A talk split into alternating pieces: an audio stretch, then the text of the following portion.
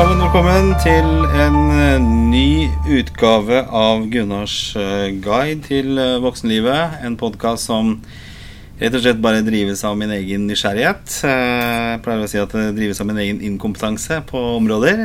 Men det er, det er veldig mye jeg ser rundt meg som jeg lurer på. Kanskje ikke alltid like flink til å stille de gode spørsmålene. Og så kan vel også være tilfellet i dag. Eh, men temaet er utrolig spennende. Eh, jeg har vært så heldig å få med meg Jan Steinar Kvilesjø. Eh, jobber i et selskap som heter Vivento. Velkommen, velkommen. Takk skal du ha. Tusen takk for at du tok sjansen til å Ja. stille opp her i dag. Ja, først og fremst, hva, hva driver Vivento med, da? Ta det Ja, Vivento vi er et rådgivningsselskap som hjelper bedrifter med digital omstilling. Ja. Så vi eh, er inne og leder eh, prosjekter og gjennomfører prosjekter som jobber med digital omstilling. Mm. For det trengs vel, tenker jeg. Det er vel fortsatt mange som ligger bak. Ja, det trengs jo absolutt. Ja. Du, eh, grunnen til at jeg har tatt, tatt med i studio her, sånn, det er jo at vi skal snakke om varehandel. Eh, et veldig eh, vidt begrep, eller et stort begrep, eh, men et en del av eh, vår hverdag som kommer til å endre seg veldig mye, og som kanskje allerede har endret seg mye. Skal vi se hvem som ringer her nå.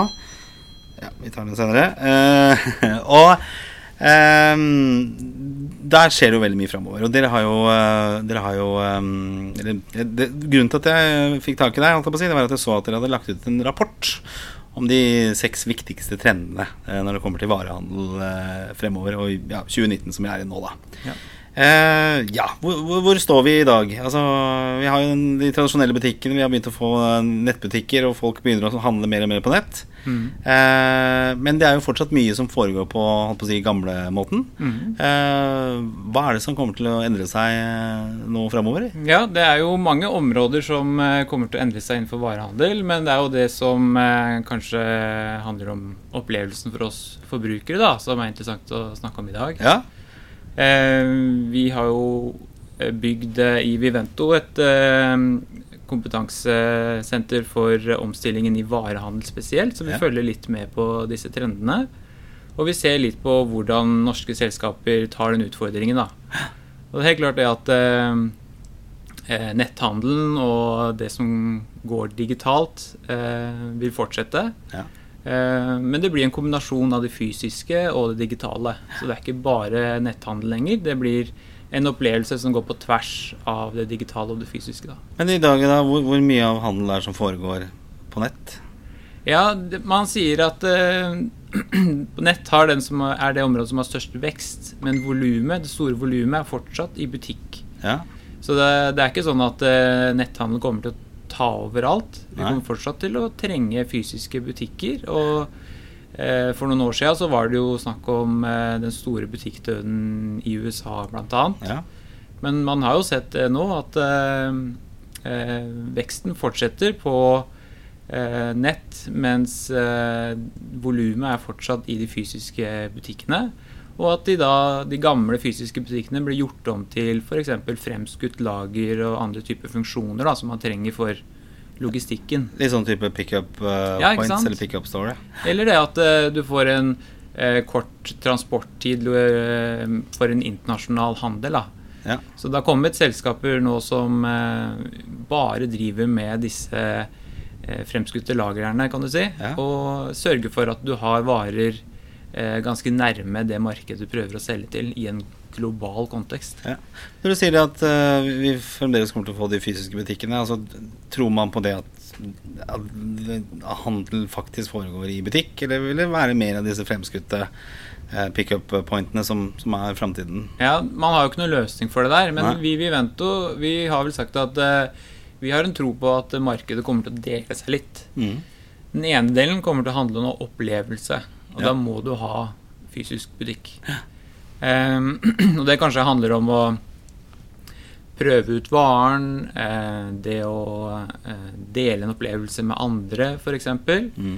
Eh, det å kanskje kombinere, eh, sånn som kjøpesentrene, som kombinerer nå butikker med opplevelse eller sport og aktivitet. Hvor du kan gå på kino og du kan trene samtidig som du har eh, kort tilgang til butikkene. Den andre delen eh, handler om eh, den typiske eh, netthandelen, da.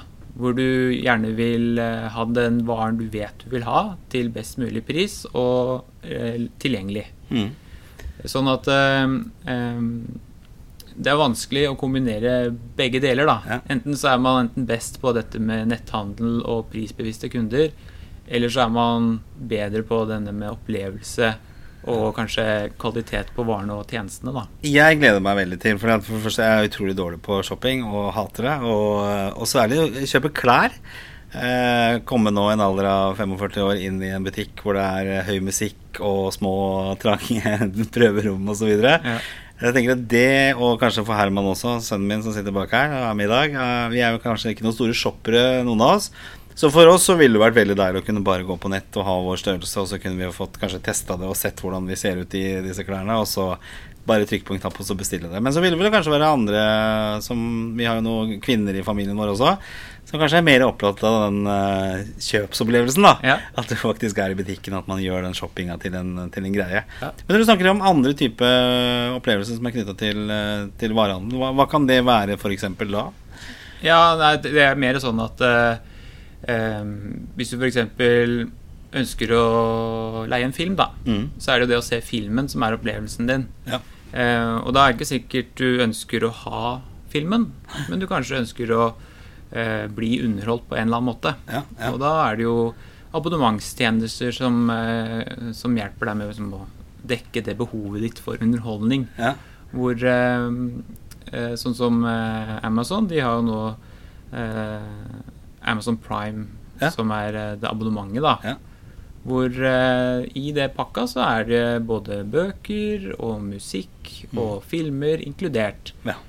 Hvor du da betaler mer enn abonnementspris mot eh, å bli underholdt eller bli opplært i noe du ønsker å lære mer om. Ja, ok, Så du får på en måte tilleggstjenester i tillegg til varehandelen, så får du litt mer også? For jeg, jeg bruker Amazon i forhold til bøker når jeg bestiller det til Kindlen min. Mm. Men hva, hva, for Amazon øh, skal jo komme for fullt til det norske markedet. Det er liksom spådd at nå er de på vei, nå kommer de til å ta over alt, eller ta over alt her. Hva er situasjonen med Amazon f.eks. i USA? Hvordan ser det ut der i dag? Hey, eh, Amazon er jo den store aktøren i USA, og det er jo den som alle ser etter nå, da, Ja. i Amazon. Og de har jo nå begynt å gjøre et inntog i de fysiske butikkene. Mm. Med noen oppkjøp og noen eksperimenter i selvbetjente butikker. Og det er et område som mange føler seg trua av. Fordi de er så utrolig dyktige til å innovere og finne nye måter å eh, selge en vare på, da. Så eh, man har jo i USA testa ut da med Amazon noen eh, butikker hvor du kan gå inn og plukke de varene du vil ha, og gå ut av butikken uten å betale eller registrere deg i kassa. Ja. Du bare identifiserer deg på, på vei inn. Ah, så Amazon deilig. Go. Det er Ja. Som er sånn blanding mellom en selvbetjent kiosk og, Ja. og dagligvare. Uh, uh, og det er jo den ene delen av det. Men så er det jo sånn at eh, Amazon står jo da med disse varene som man ønsker å kjøpe, som er kanskje et sterkt merkevare bak. Ja. Men i tillegg så har de sine egne brands ja. som de produserer ved siden av, sånn at man hele tida har mulighet til å tilby eh, egne merkevarer, da. Hvor marginene er større. ja. For at de ikke selger liksom Nike-sko, men de selger sine egne, Ja. egne brands. Men har de det? Altså Har de type brands i alle, alle retninger? Er det noe vi har hørt om her i Norge, som er Amazon Nike? Nei, det er ikke så lett å se, da, for det Nei. går jo under egne merkevarer. Ja. Men eh, vi deltok i år på et eh, varehandelsseminar i New York som heter The Big Show, da, Ja. fra NRF. Eh, hvor eh, Target ble trukket fram som et av de eh, flinke butikkene på egne merkevarer. Og det de har gjort, er altså å definere tydelige kundesegmenter. Ja. Og tilby egne merkevarer for en spesifikk kundegruppe. da. Istedenfor å tenke at det handler bare om én merkevare. Ja. Så handla det kanskje om fem merkevarer Ja. innenfor en type eh, sortiment. Men er det litt sånn som litt sånn First Price-prinsippet? Ja, flere varianter Ja, av First Price. Eh, og, og da forrykker jo det en del av det som foregår der ute. Altså Du vil forrykke disse kjente merkevarene. Jeg vil jo tro at det kanskje tar litt tid før det på en måte befester seg. Uh, i, det, det, I Norge med dette med First Price f.eks. er jo litt sånn Det er litt sånn B-vare, selv om det kanskje er produsert på samme sted og er egentlig henta fra den samme gryta. Hvis Ja. du skal kjøpe deg makrell i tomat f.eks. Ja. Så, men det er jo en interessant tanke. Jeg tenker også Amazon har jo dette med Det er vel ikke knytta til noe spe... Det er ikke en sportsbutikk, eller det er ikke en klesbutikk, eller det er ikke en platesjappe. Altså, det er veldig, veldig veldig vidt begrep. Så det å type selge alt, da, eh, er vel kanskje litt mer der den, den veien det går, uten å spesialisere seg på et spesifikt type segment? Eller hvordan er det? Ja. Og det var jo en del av strategien, forretningsideen til Amazon. Ja. Og det kan du faktisk se i logoen til Amazon også. Ja. At uh, det skrives, skrives på en bestemt måte med en pil fra A til Z. ja, stemmer det. Stemmer det. Det er fordi at de skal kunne tilby hele pakka, da. Uh, og de begynte med bøker. Ja. Og så har de utvida med elektronikk og med klær og osv. Så, videre, og så, videre. så de, de, hvis du går inn på nettsidene, så vil du se at de har en kjempelang rekke med varer. Ja. Og den lista blir jo bare lenger og lenger. For det blir jo et slags AliExpress. Ekspress. Vi snakket jo litt om det og før vi gikk på her også. Jeg er jo veldig glad i AliExpress. Det, der får du jo absolutt alt. Eh, og, og på netthandelen til en forholdsvis billig penge. Og den har jo vært stor i internasjonale markedet, og i Norge lenge. Men hvordan har Amazon vært i de la oss si, europeiske markedene? og sånn? Hvordan, hvordan ser det ut der? Hvordan posisjon har de? De har en kjempestor posisjon i Tyskland. Ja. Det er et veldig stort marked for eh, Amazon. Ja. Og det har jo litt med logistikken å gjøre, og litt med volumet å gjøre. da. Så um, det er jo på en måte ikke så langt unna Norge. Så man har jo sett eh, etter om eh, Amazon kommer til å etablere seg lenger nord, Ja. og da spesielt i Sverige, da. Og da er du ikke så langt unna grensa til Norge. Eh, sånn at eh, det kanskje blir en satsing på nord i nær fremtid, det er jo noe man tror på. Og da har jo de et veldig stort sortiment som de kan komme med til Norge til en ganske rimelig pris. Og da blir jo mange utfordra på det, da. Ja. Men eh, Norge har jo vært litt sære på andre ting som har kommet fra andre land her. Når vi hadde Lidl som Det var vel det eneste markedet i hele Europa som tyskerne kom, ikke kom inn i. Eh, hvordan tror du det norske markedet vil ta imot en eh, aktør som Amazon, da? Nei, Det er jo det som mange lurer på, da. Og eh, vi, vi snakka litt om eh, produkter fra Kina i stad. Ja. Og eh, for en stund siden så ble det omtalt litt sånn som kinaræl. At Ja. det var liksom produkter som falt fra hverandre når de satte sammen, nesten. ja.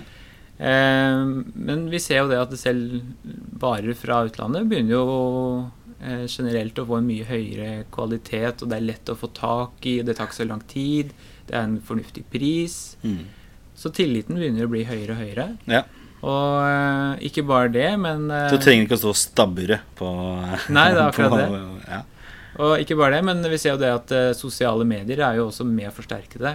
Og eh, det at du ser at en kamerat har kjøpt en vare fra Kina, da, eller Ja. fra utlandet, det gjør jo at man bygger høyere tillit til, eh, til varen. Ja, ja. Og jeg, jeg, jeg kjøpte den robotstøvsugeren. Den eh, ah, Jeg husker ikke hva den heter, men det er jo den som har fått best i test. Xiaobi. Eh, ja, eh, hva er den het for det, da? Ah, jeg husker ikke. Men i hvert fall, den har begynt å selges også i det norske markedet. da Mm. For det var jo en del dårlige løsninger som var ganske dyre. Eh, og den her jeg kjøpte, den var jo i hvert fall på et tidspunkt kun i salg via AliExpress. Uh, men så ser jeg at den har jo blitt tatt inn av andre i større kjeden, type Elkjøp og, Mm. og Power og disse her sånn. Så det er jo et eksempel på at noe som har blitt solgt på nett, og kanskje litt ukjent merke, Ja. men har uh, slått inn i det norske markedet. Så det har vel det har endra så mye, vil jeg tro. Altså Ja. Når vi blir mer og mer vant til å, å handle på nett. Ja. Eh, men hva gjør eh, Du snakker om du jobber med digitalisering og sånne ting. Hva, gjør de, de liksom store lokale aktørene nå, da? Hvor flinke er de til å være med på dette her? Ja, de er veldig flinke til å være med på dette her. Ja. Og eh, vi ser jo det at det er veldig mange som også er flinke til å gå ut i Europa Mm. med, med tjenestene og produktene de selger. Ja. Eh, sånn at de også satser på en måte i en større skala enn Norge, da. Mm. Eh, og eh, sånn som eh, det har vært en trend for, i forbindelse med denne butikkdøden, som har vært litt sånn diskutert i Norge Ja. på at eh, ja, nå er på en måte markedet metta, nå går all handel utenlands osv. Ja. Vi ser jo da at markedet er jo fortsatt her. Vi må bare endre måten vi selger det på Ja. til kundene våre. Og da har vi jo eh, masse forskjellige innovasjonsprosjekter da, rundt det. Det ene er jo de der ekstreme variantene, kan du si, med stemmestyrt eh, varehandel, hvor Ja. alle har nå en Google Home-assistent hjemme. Og det er noen som har testa ut å bestille litt mat og sånt gjennom eh, disse robotene. Ja. hvor det fungerer så som så. Det, Ja, ja, det, så, det er ikke det store ennå. Jeg hadde, jeg hadde samme Try Apt her en liten Ja. podcast for noen uker tilbake om akkurat det. Eh, og jeg har jo en sånn Google Home hjemme sjøl også. Og det er jo ikke Det er jo at du skru på radio. Det er liksom Hver morgen så er det Ja. Hey Google, skru på NRK Alltid nyheter. Men det finnes andre måter da, som er litt enklere, og det er jo at man kanskje samarbeider om en nettversjon av de varene og de butikkene det er. Ja. Så sånn som eh, Det fins jo sånne handelsbyer som går sammen. Og så sier de at eh, ja, vi består av mange små butikker, gallerier, eh, små handelsshopper og eh, steder man kan selge lokale varer, f.eks. Det er for dyrt at hver enkelt skal kunne ha en, en digital netthandelsløsning. Ja. Så kan vi ikke sammen, som en by, eh, handelsby, eh, finne en, en måte å selge til kundene våre digitalt. Ja. Og det er det noen som har gjort nå. Og det er jo en fornuftig måte, da. Fordi med en gang du har vært i byen, så kan du jo forholde deg til kunden etterpå også, gjennom digitale medier. Og hvis man eh, senere tidspunkt ønsker de varene fra den butikken, så kan man jo bestille over nett. Ja. Men er det ikke sånn i Kina nå med denne Jeg, mener, vet, så jeg husker ikke helt hva det heter, men det har jo vært veldig mange lokale småbutikker. Og så har på en måte mm, hva er det den store aktøren, jeg vet ikke om det er det samme som AliExpress er, men de har jo gått inn og så rebrander man de ulike Det blir en slags sånn franchise-løsning, da. Eh, og veldig nært knytta opp til digital eh, varehandel. Eh, husker jeg så noe på det. Jeg husker ikke, jeg husker ikke hva, de, hva de het, men det hadde i hvert fall løftet disse småbutikkene veldig. For at de var på egen hånd, hadde sine egne leverandører og ble skvisa på, på priser og på, på lønnsomhet. Men når på en måte flere gikk sammen, så, så fikk man redda veldig mange av disse småbutikkene. Da, Mm. Som var de fysiske butikkene. Så det med samarbeid på avtaler f.eks. er jo en ting som eh, flere og flere gjør nå. Eh, for å kunne gå inn og gjøre storfordelshandel. Ja. Eh, men også på skal si, betalingsmidler også. Og i Kina så har man jo også snakka om disse eh, mobilbetalingsløsningene. Ja. Som også integreres tettere med eh, handelskanalen. Sånn at du kan gå rundt og Istedenfor å eh, betale med fysiske penger i butikken, så skanner du sånne QR-koder. Ja, ja. Og så eh, er alle på samme plattform, og da er det enklere da for kundene å kunne eh, handle over nett eller Men, mobilt. men er det et sånt scenario som f.eks. Amazon kan være en driver på? Altså du, du har banken din i Amazon også, i tillegg til eh, at du kjøper varer? Ja, det som er kanskje forskjellen mellom Amazon, som er en stor aktør, og kanskje Google, som er en annen stor aktør innenfor kundeopplevelser, Ja. er jo det at Amazon er på en måte et totalselskap. De brander seg som et stort selskap, selv om de både er et flyselskap og et netthandelsbutikkselskap, og det er veldig mye. Ja. Men alt er Amazon. Er det flyselskapet, da? Ja, de har det òg, ja. Og så har de eh, også sånne eh, Den andre aktøren, som er Google, Mm. Som da kanskje satser mer på et økosystem. Ja. Sånn som, som eh, Walmart, som er en stor eh, butikk i USA. De fikk lov til å bli med i et program som heter Google Express, da, som handler om å kunne tilby sånne fellestjenester. Ja. Men la de få lov til å brande seg sjøl og holde eh, det som en sterk eh, del av opplevelsen da, Ja. ved å handle hos dem. Ok. Det, men det er vel litt sånn med, med Amazon, har jeg hørt. For jeg jobber jo selv i mediebransjen, eh, med, med mediesalg og online video, annet. Eh, og da har det jo vært eh, mye snakk om Amazon når det kommer inn eh, for fullt eh, i, i det norske markedet, det europeiske markedet, at det også blir liksom en, en markedsføringskanal. Altså for den kommer til å bli en så stor trafikkdriver at det for brands å markedsføre seg gjennom Amazon vil på en måte være en, et, viktig apparat da, fordi, i forhold til markedsføring. Eh, så det er ikke viktig å være på VG, men det er liksom viktig å være på Amazon. For det, er så, det er så nære For det er jo der man handler. Og for det andre så er det så nære, nære liksom eh, det, det blir en så stor aktør. Ja, og det er jo interessant fordi du vil gjerne være der kunden er. Ja. Og eh, en annen ting som eh, har vært mye snakk om i det siste, er jo det at det er ikke bare eh, de tradisjonelle handelsopplevelsene som er det stedet hvor kunden er. I en digital internettverden så er vi på flere forskjellige flater. Du er også på Instagram, f.eks. Ja. Og der er det mange som brander seg og markedsfører seg allerede. Ja. Og da er det jo litt sånn at vi ser jo det at det er flere og flere som bygger mer og mer eh, tillit og trygghet til å handle gjennom f.eks. en eh, kundeopplevelse som starter i Instagram. Ja. Og så ser du at du kan faktisk eh, bestille den varen som ble reklamert for. Ja. Men du er usikker på størrelsen, så du bestiller opp fem Ja. i forskjellige størrelser og forskjellige farger. Ja. Og så er det veldig lett å returnere de varene, sånn at hele kundeopplevelsen blir veldig bra. Mm. Og eh, Amazon blir så stor at eh, de kan jo tilby mange forskjellige tjenester. Det er klart, Hvis kunden er der, så vil du være der. Mm. Hvis kunden er på Instagram, så vil du også være der. Og en annen faktor som har vært litt opphypa nå i det siste, er jo dette med spill. Ja. Ja. For det har man også snakka om at det blir en eh, plattform hvor du ønsker å markedsføre deg nå fremover. Ja. Og da er det jo reklame i spill, eller at eh, reklamen er spillet. Eller med andre måter å, å gjøre det på. Og der har man jo sett at eh, Google nå lanserer en spilleplattform hvor du kan nå spille disse vanlige konsollspillene gjennom nettleseren din. da, Ja, ja. Ved at du leier et konsoll i skyen hos eh, Google. Ja. Og kan eh, på en måte lett få tilgang på spillet. Nå er det jo øh, mer og mer øh, Jeg har jo fiber hjemme, 150-150, så, det- så det gir jo vanvittige muligheter. Eh, Istedenfor å ha den konsollen eh, stående, så kan du liksom bruke, bruke skya. Det, og det er jo fascinerende. Og det, det, det, vi ser det allerede i dag i forhold til spill også. At det begynner å bli mer og mer en markedsføringsplattform også. Hvis du Ja. spiller Fifa, så ser du at det er reklame rundt stadion, og den er ikke tilfeldig lagt der, for å si det på den måten her. Så det er eh, Det er jo utfordringen her til mange av de som driver med varehandel. da. ja. For det er så mange kanaler. Og før så begynte man å snakke om at man måtte ha en multikanalstrategi. Mm. Men nå ønsker man jo mer en friksjonsløs handel. Ja.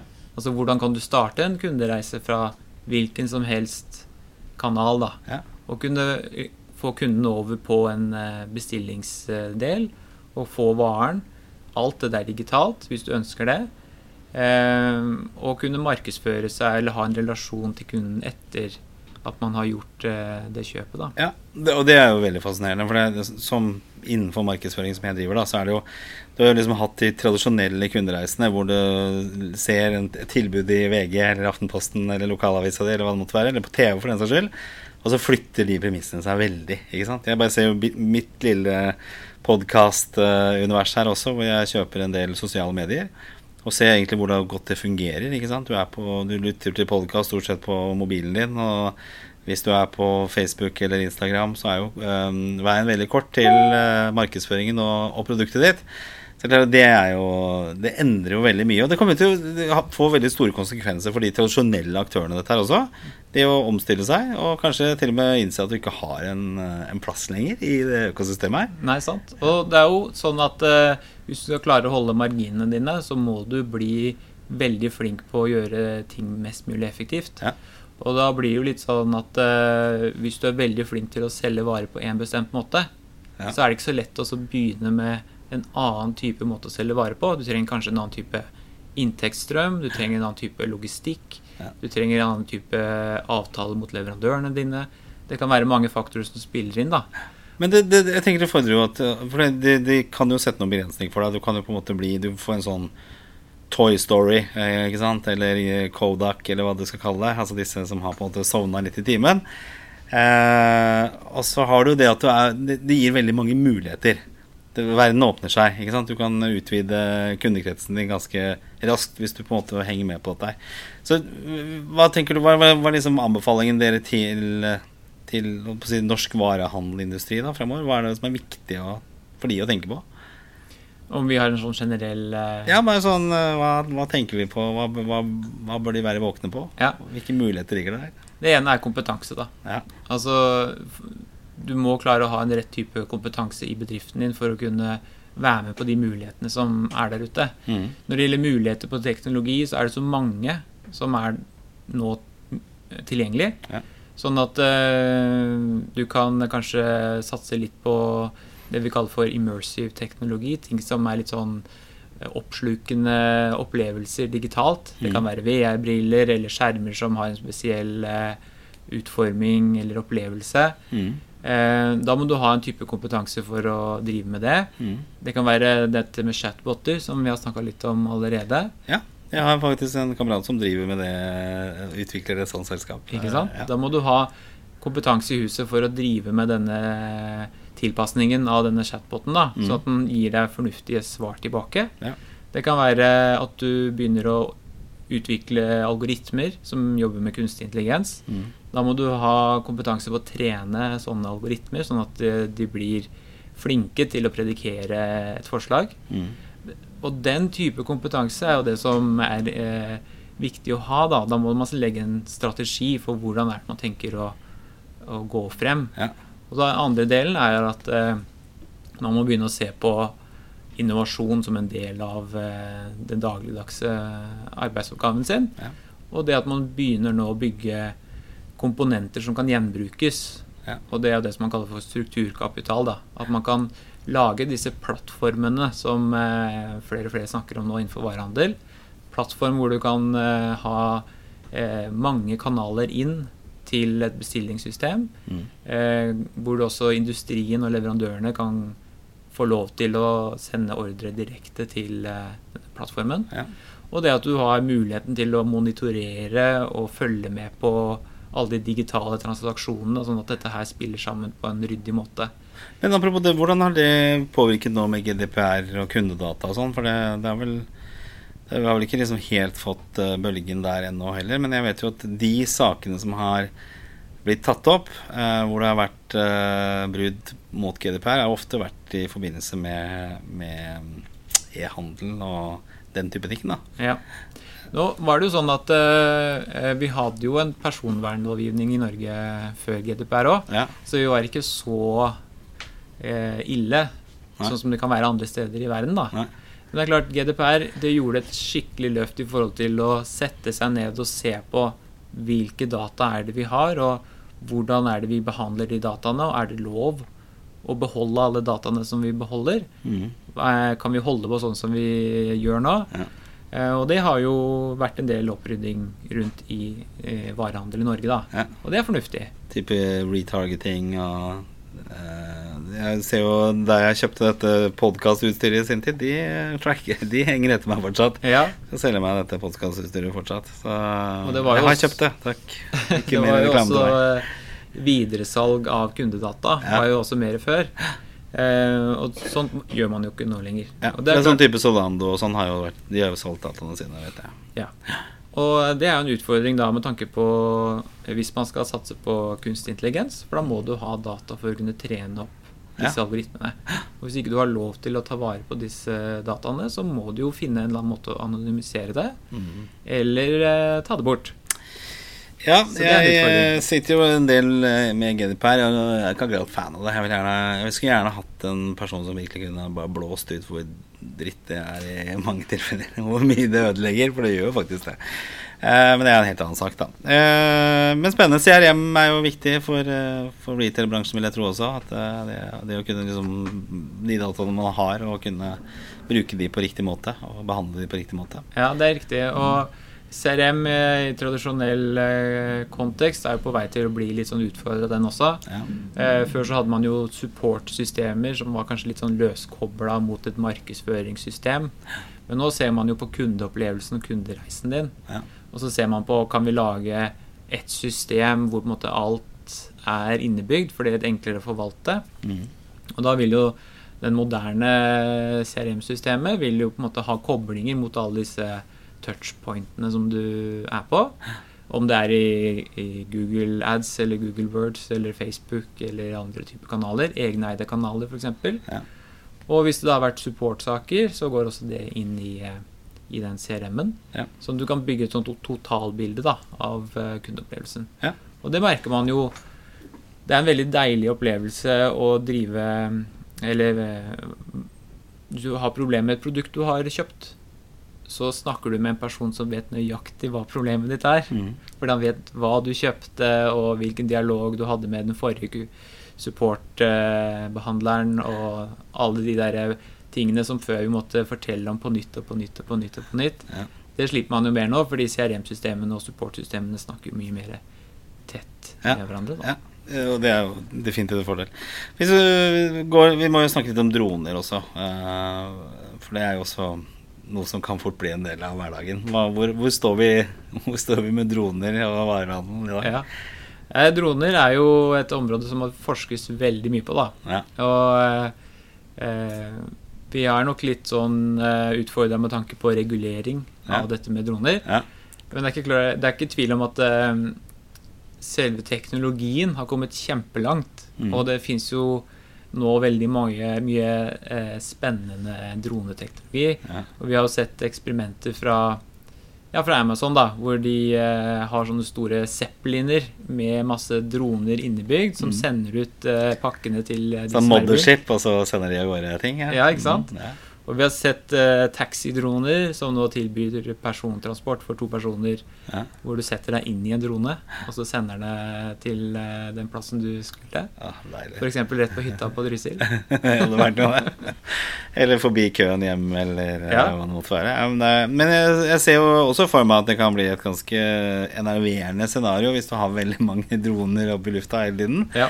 Eh, og så er det selvfølgelig at det kan brukes til eh, ting som ikke er så veldig ålreit også. At Ja. det kommer plutselig en bombe farende isteden. Eh, Ja. Men det er jo spennende å kunne få taxi, eller få taxi, som du sier, også med pizza levert på dør av en drone, eller eh, all mulig. Og det, det, må det effektiviserer jo veldig mye mer. Altså, du kan jo i prinsippet da bestille en vare, og så har du den en halvtime seinere. Ja, Litt sånn à la pizza.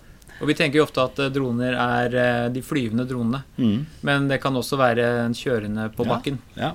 Så da kan det jo være at eh, eh, du får sånne ja, det, Innenfor logistikksystemet så har man jo disse dronene eller disse robotene på varelageret. De kjører jo rundt og flytter varene på varelager. Ja. Og de har jo veldig lett for å komme nå ut i det, et nytt marked. da. Ja. Så man kan få en bransjeglidning fra logistikkverden over i på en måte the last mile, som vi snakker om. da. Hvor du skal få varen helt ut til, eh, til kunden.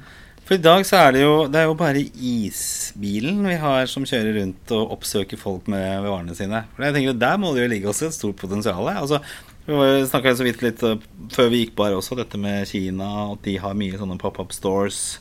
Kommer en bil eh, kjørende, og så plasserer den bilen, og så har du muligheten til å handle. Eh, at butikken på en måte kommer litt mer til deg. Mm. Eh, I Norge så er det vel bare den derre Norge Rundt-bilen som kommer med is. Eh, Ja. så, men tenker, der må det være mye. Litt sånn som du sier også at eh, eh, en drone behøver ikke bare være Ja. flygende, men at eh, den kommer kjørende også. Så må du ikke glemme den gamle fiskebilen.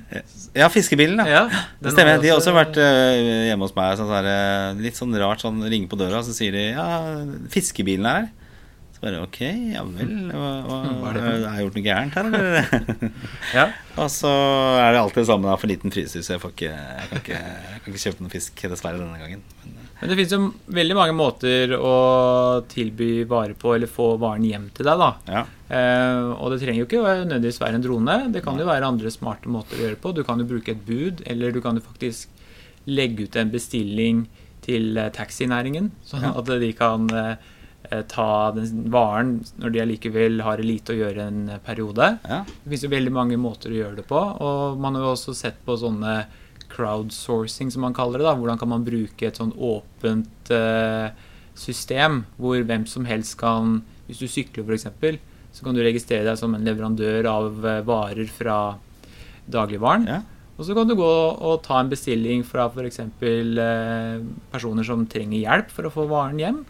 Så kan du gå ned og pakke de varene og, og eh, eh, legge de i poser. Og det blir betalt av eh, den som bestiller. Og så sykler du det hjem til dem, og så får du betalt for eh, den jobben. Jeg bor jo i Bærum. Jeg tenker Det er jo veldig mange som driver og sykler fram og tilbake på den der Tour de Finans eh, mellom Oslo og Bærum.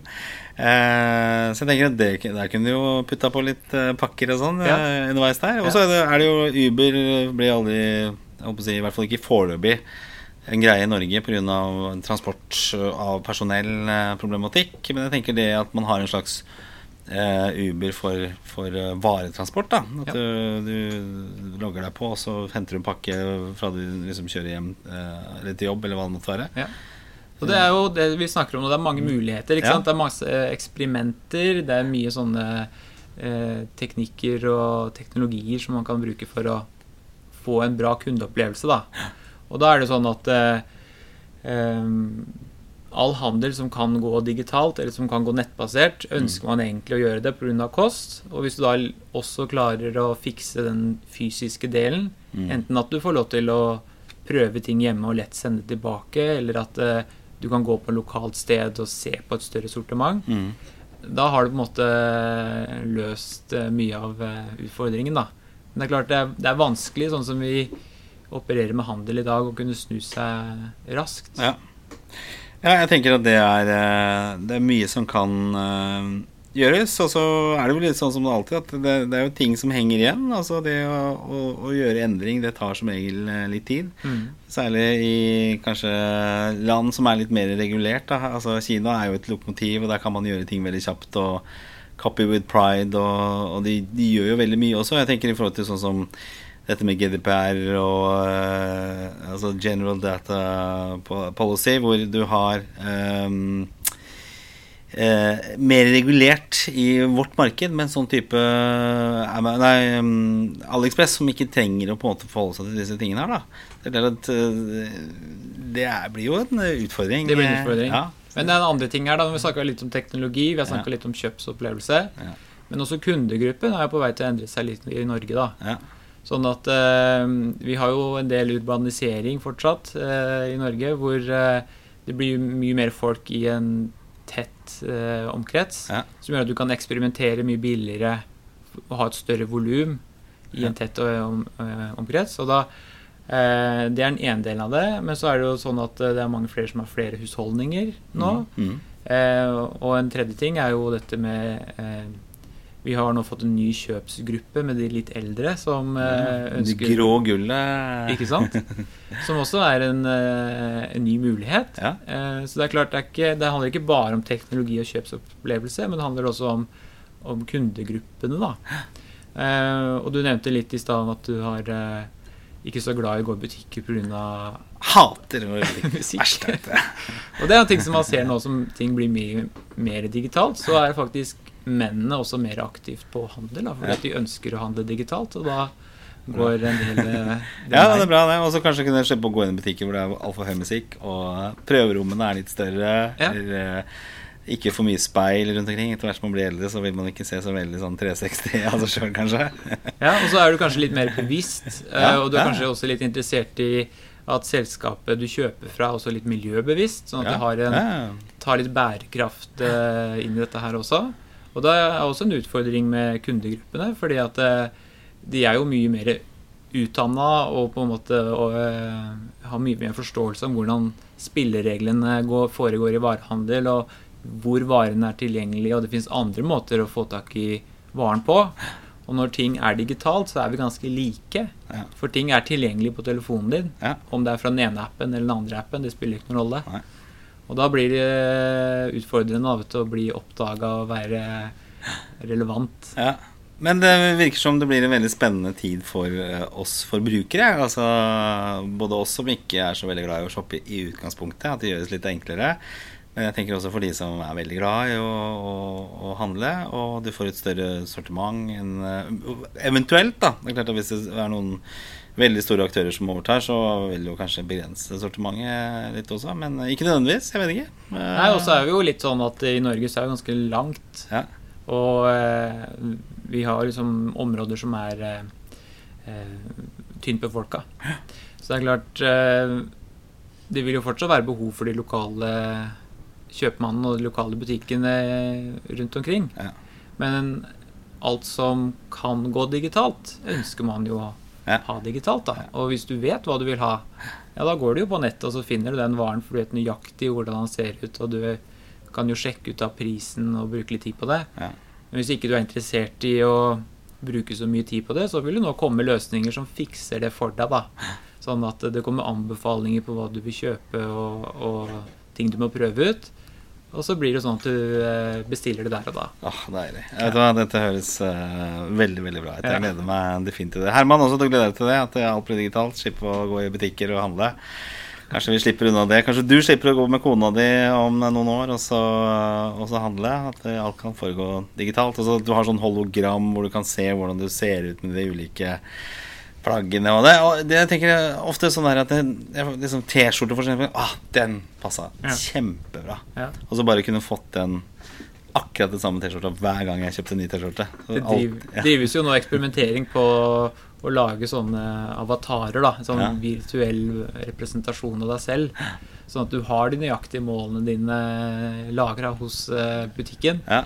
Sånn at de vet hvilken størrelse du eh, trenger, da. Og så får du kanskje sånn der Du er liksom Ja, du du er litt lagt på deg litt her, sånn, men hvis du går over bare fem kilo, så vil du se denne utgaven av selv. Er ikke den motiverende? Kan ikke, har du ikke lyst til å se sånn ut? Så det er, det er, det er mange muligheter. Du, eh, vi kunne snakket om dette her i, i, i evigheter, men eh, det er utrolig spennende. Jeg gleder meg til å følge følge eh, med på hva som skjer videre. Jeg er jo glad i teknologi, og jeg syns det er veldig spennende. Og når det knyttes opp mot varehandel og gir deg større muligheter eh, Og så blir det jo spennende å se hvor, eh, hvor vi er hen om Mm. eh, noen år. Altså hvordan det ser ut. Eh, jeg, jeg, vi kjørte jo til Göteborg her i påskeferien, og da kjører vi jo fra liksom Oslo og ned til, ned til Göteborg. Da. Og det er jo liksom Det er et kjøpesenter, svært kjøpesenter som popper opp liksom for hver eh, mil omtrent eh, nedover. Så hva tenker, hva tenker du sånn helt til slutt om kjøpesentrene? Hvordan, hvordan ser det ut der? Ja, eh, Man har jo snakka om at eh, det har vært sånn butikkdød i Norge, og at det blir færre og færre kjøpesentre. Eh, og det er vel kanskje ikke hele sannheten. Nei. Det kan være at eh, måten eh, kjøpesentrene har blitt drevet på til nå, har endra seg litt. Mm. Så man må finne nye måter å, å levere totalpakka på, da. Ja. Og jeg tror nok at det kommer flere kjøpesentre fremover. Ja. Men at det blir en eh, opplevelse da, hvor du kan gå inn og gjøre mer enn å bare handle. Ja. Du kan gå inn og eh, bli underholdt, f.eks., eller du kan trene, eller du kan eh, gjøre andre ting. Treffe andre venner på kafé. Eh, men samtidig så kan du få levert de varene som du har bestilt online, så du Mm. kan teste ut det og returnere det der og da. Ja. Så du kan kombinere mange flere opplevelser på samme sted. Da. Og da trenger du kanskje ikke så store butikker lenger. Så butikkene vil kanskje bli litt mindre, men at de har bare få eksempler av de varene du vil ha. Mm. Og så tar du bestillingen online, da. Så kan du få sånn der um, sånn launchkort, sånn som var på SAS-launchen eller hva det er for noe. Når det er liksom, la oss si julehandel, da.